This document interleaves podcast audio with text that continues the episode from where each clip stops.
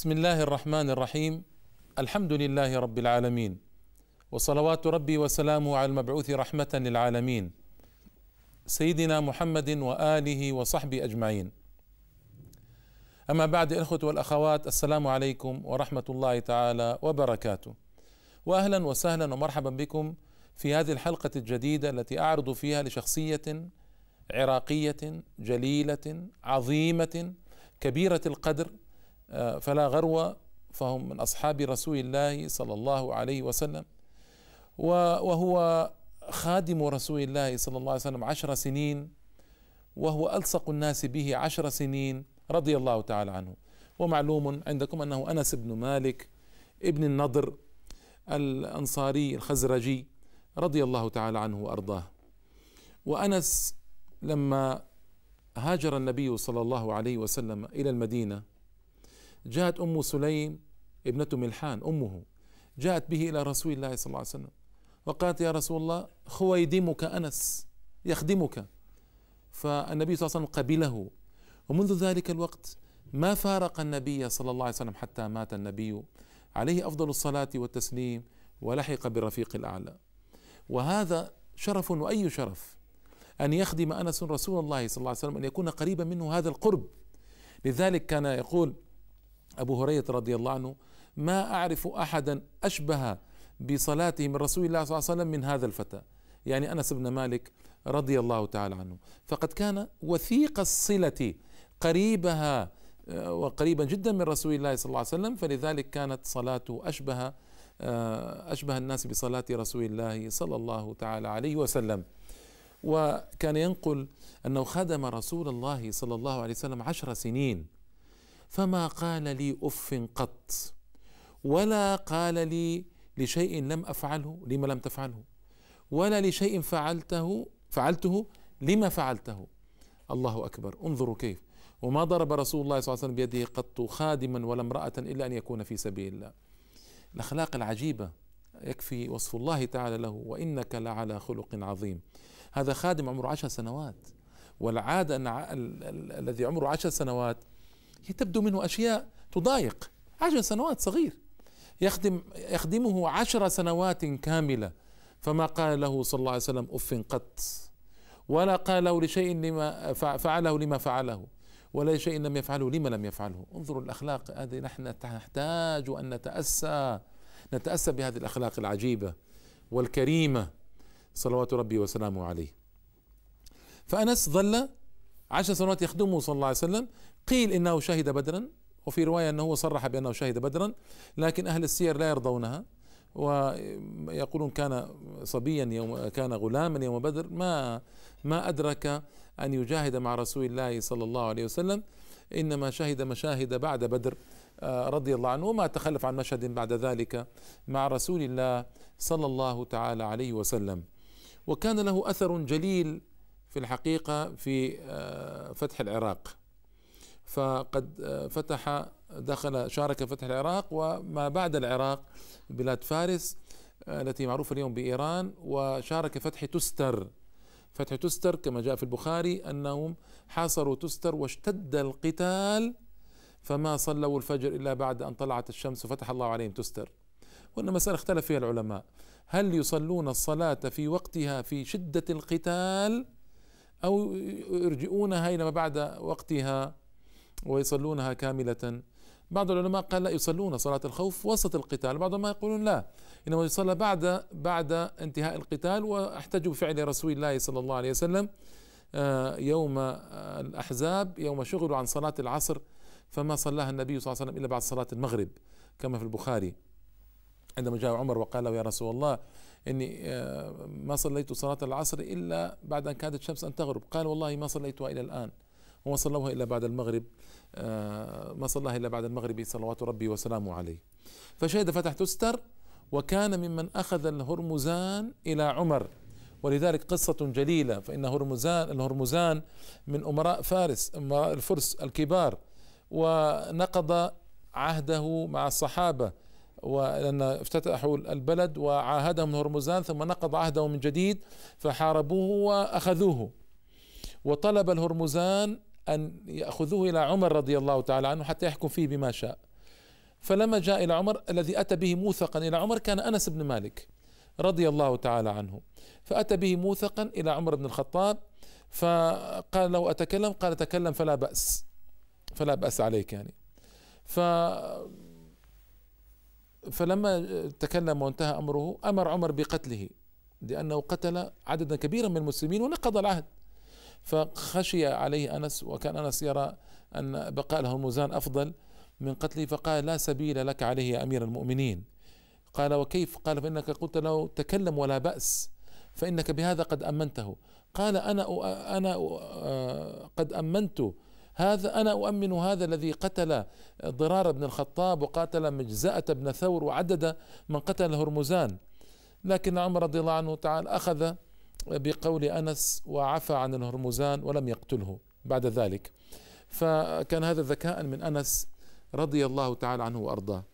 ولقد اشتد شوق أنس إلى رسول الله صلى الله تعالى عليه وسلم حتى أنه كان يقول لأصحابه ما من ليلة إلا وأنا أرى فيها حبيبي صلى الله عليه وسلم ثم يبكي رضي الله عنه. آه، سبحان الله كل ليلة يراه في المنام. إن إن لله واليوم يعني من يراه من المسلمين إلا قليلا. لا هذا كل ليلة يراه آه، رضي الله عنه. والنبي صلى الله عليه وسلم كان يحب أنسا. لذلك قال في حديث مشهور معروف عند الرواة اللهم أطل عمره وأكثر ماله وولده. فيقول أنس فإني والله لمن أكثر الأنصار مالا وإن ولدي من صلبي آه، بلغ مئة وستة. وهو طبعا بلغ ولده من صلب 106 لكن في الزمان الذي حدث بهذا قال إن ولدي لصلبي أكثر من ثمانين. وما مات إلا ولده من صلبه بلغوا 106 من الأولاد. وهذا استجابة لقول رسول الله صلى الله عليه وسلم فيه ولدعاء رسول الله صلى الله عليه وسلم له. وكان هو أيضا مجاب الدعوة رضي الله عنه. فعنده كان أراضون واسعة كان ثريا رضي الله عنه. فجاء قهرمان والقهرمان هو القهرمان هو الرجل الذي يقوم على آه، شؤون الرجل ويرعى أحواله. فقال عطشت أراضوك ما عاد عندنا ماء لنسقي الأرض. فتردى أنس لبس رداءه وخرج للاستسقاء وجمع أهله. ودعا الله تعالى وكان الوقت صيفا فنزل المطر. وملأ صهاريج المياه حتى يقولون ملأ كل شيء. فأمر أنس رضي الله عنه بأن ينظر إلى أين بلغ الماء فما وجدوه قد تعدى أرضه إلا يسيرا. الله أكبر. ما وجدوه قد تعدى أرضه إلا يسيرا. فانظروا إلى الكرامة وإلى الاستسقاء وكيف كانوا يسقون آه، رضي الله عنهم في الصيف. والصيف مظنة عدم نزول المطر. لكنهم رضي الله تعالى عنهم حسنوا الصلة بالله تعالى فإذا استسقوا غالبا ما يسقون. وأنا أقول في علمي وفي قراءاتي أن أني لم أقرأ أن السلف رضي الله عنهم قد استسقوا قط إلا وسقاهم الله تعالى على وجه عجيب. وفي ذلك قصص كثيرة عجيبة طويلة ليس هذا وقتها. لكن الشاهد كيف الفزع إلى الله تبارك وتعالى كيف الانكسار والخضوع عطشت أرادوك ما فكر يأتي لا بماء من هنا ولا من هنا ولا يحمل وهو غني وثري ويستطيع أن يجلب لها الماء. لكنه اتجه أولا إلى الله تبارك وتعالى واستسقى. وعبادة الاستسقاء اليوم في أكثر أرجاء العالم الإسلامي مفقودة وضائعة بسبب هذا الذي تفشى في الناس من ضعف وتفشى في الطبقة الحاكمة من بعد عن الله تعالى وبعد عن دين الله تعالى إلا في بعض البلدان القليلة التي يستسقون فيها ولله الحمد والمنة. آه فاستسقاء جيد وهو مظهر من مظاهر الإقبال على الله تعالى والانكسار والخضوع. عاش أنس في البصرة ومات فيها رضي الله عنه فشرفت أرض العراق به طويلا فقد عمر رضي الله عنه. مات وهو قريب المئة وقيل أنه قد جاز المئة. ومات سنة اثنتين وتسعين أو ثلاث وتسعين. يعني على اختلاف وقيل أن الأشهر أنه مات سنة ثلاث وتسعين رضي الله تعالى عنه. آه، في البصرة مات في البصرة سنة ثلاث وتسعين في زمن الوليد بن عبد الملك. في زمن الوليد بن عبد الملك. وله قصة مع الحجاج جليلة لابد أن نذكرها. الحجاج من أظلم الولاة كان. نسأل الله السلامة والعافية. ظالم فاسق متجبر طاغية. أرسله عبد الملك إلى العراق ليضبط شؤونه ولكنه تجاوز وطغى. والوالي استبد وصار دكتاتورا كما يسمى اليوم يعني مستبدا باللغة العربية مستبدا وتجاوز يكرهه الناس ويتمنون موته ويرتكب من الموبقات والعظائم الشيء الكثير في تجاوز هذا واستبداده. كذلك كان الحجاج نسأل الله السلامة والعافية آه، ولي على العراق وحدثت مآس شديدة وكثيرة. منها ما حدث على أنس رضي الله تعالى عنه. أنس في عاش في العراق في زمن فتنة ابن الأشعث وكانت فتنة صعبة. آه، ابن الأشعث كان أحد العلماء الذين خرجوا على الحجاج لظلمه وجوره وخرج مجموعة من العلماء معه سعيد بن جبير ومجموعة كبيرة. المهم هذه المجموعة التي خرجت على الحجاج في فتنة ابن الأشعث قضي على الفتنة وجيء بهم وقتل بعضهم وعفي عن بعض مثل الشعبي عفى عنه الحجاج لما كلمه كلام لين. سعيد بن جبير كلمه كلام صعب فقتله وجاء آه، أنس بن مالك وظن الحجاج أن أنسا ممن كان له رأي في الفتنة يعني. ما شارك أنس كان له رأي. يقول هو ظن هذا. ظن أن أنسا كان له رأي في الفتنة واستحسان للفتنة. فأسمعه كلاما غليظا جدا. لا يليق بصاحب رسول الله صلى الله عليه وسلم. لا يليق بمن خدم رسول الله صلى الله عليه وسلم زمانا طويلا. وقالوا إنه ختم في عنقه ختما هذا عتيق الحجاج يعني إن الحجاج عفى عنه. فلما أسمعوا هذا الكلام الصعب أراد أنس بن مالك رضي الله عنه يرد عليه في المجلس ردا يوقفه ويفهمه منزلة أنس لكنه آثر أن يكتب إلى عبد الملك في دمشق. فكتب إليه قائلا قد خدمت رسول الله صلى الله عليه وسلم عشر سنين وأنا صاحب طعامه وشرابه ووضوئه وكنت لصيقا به فلو أن أحدا من النصارى خدم عيسى وآواه ليلة أو خدم عيسى خدمة وعرف مكان قبره لارتحل إليه ملوكهم. ولو أن أحدا من اليهود خدم موسى يوما أو ليلة وعرف مكانه لعظم. فكيف بي وقد خدمت رسول الله صلى الله عليه وسلم عشر سنين وقد فعل بي الحجاج وفعل وذكر لعبد الملك ما فعل به الحجاج. فيقول الرواة إن عبد الملك وهو يقرأ يقرأ رسالة أنس رضي الله تعالى عنه ظل يبكي من القهر والغيظ.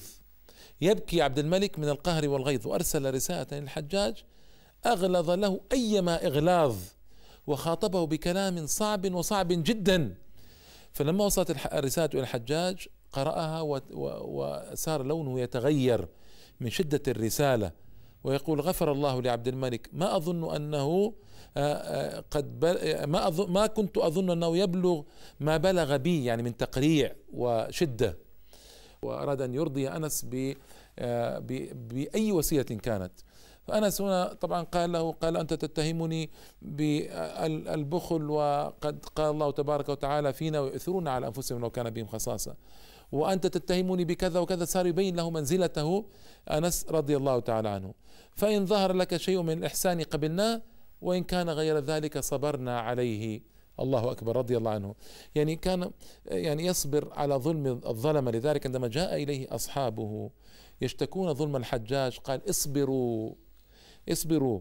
فإن رسولكم الأعظم صلى الله عليه وسلم قال اصبروا حتى تلقوني على الحوض. وأخبرهم أنس أنه ما من يوم آه، إلا وكان آه، أسوأ من اليوم الذي قبله. يعني ما من يوم يمر عليهم إلا سيكون أسوأ من اليوم الذي قبله.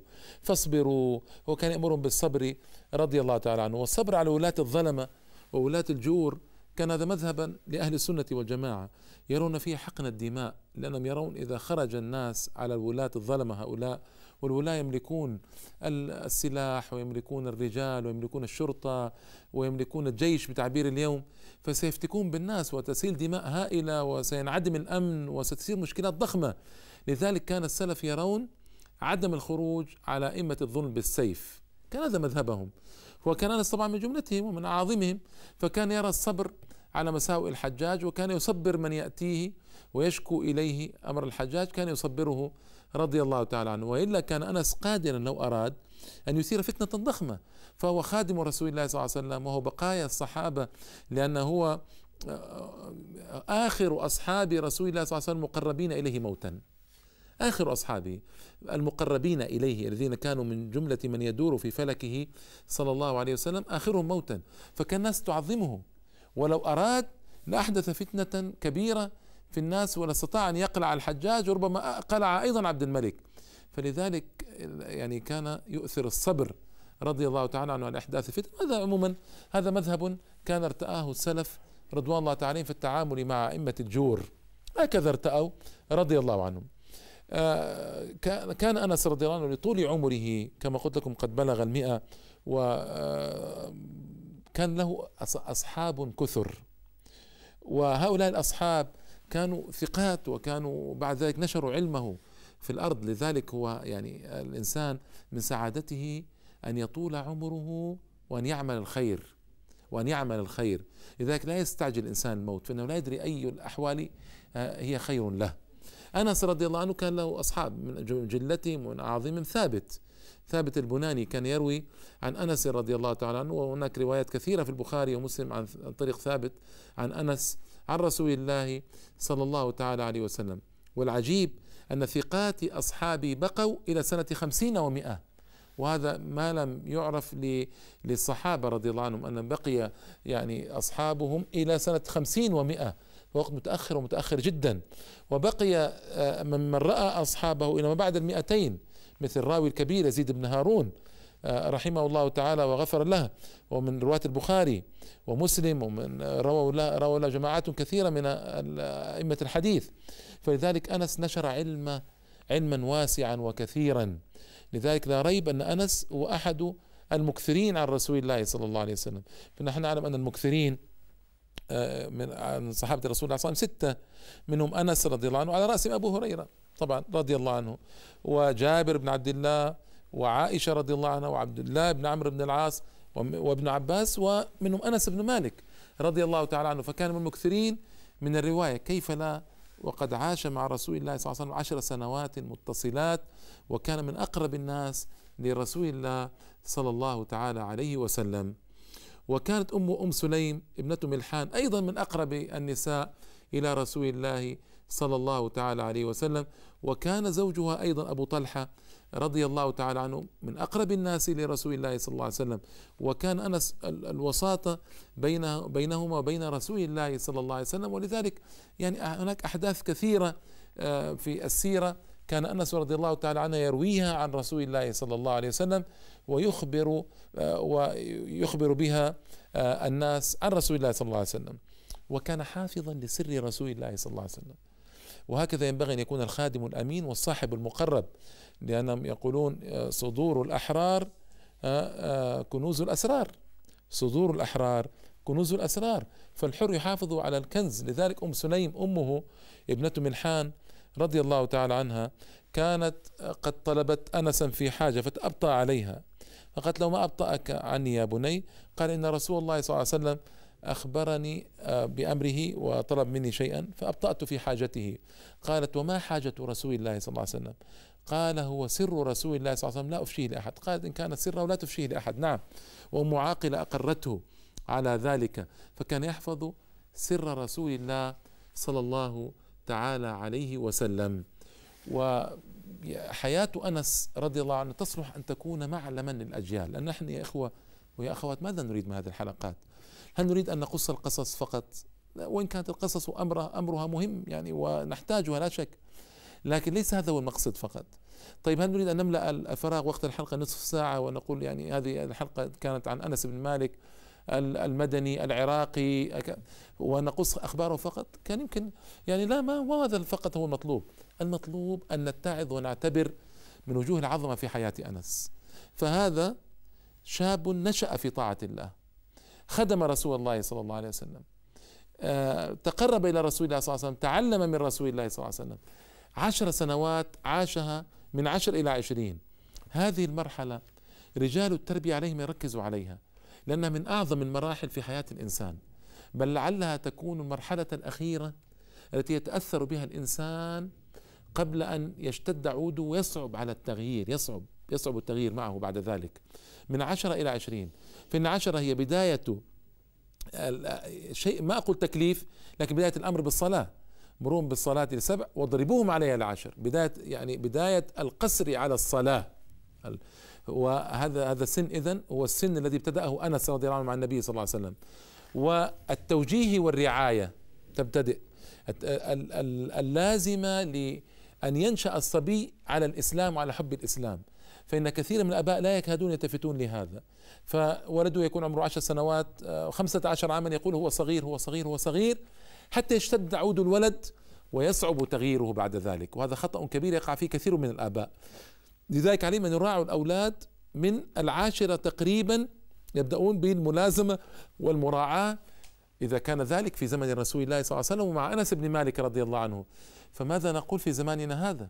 الذي كثرت شهواته وعظمت الفتنة فيه وتواترت الشهوات على الشباب حتى صارت مشكلة مشكلة كبيرة.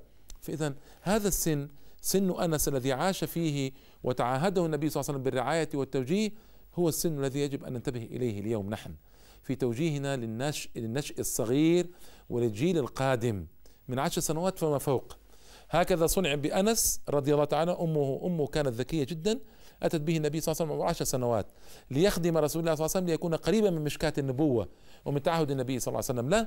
وهكذا ينبغي أن نتعهد أولادنا اليوم من هذه السن. الصغيرة نرتقي بهم إلى ما ينبغي أن يكونوا عليه في المستقبل إن شاء الله تعالى.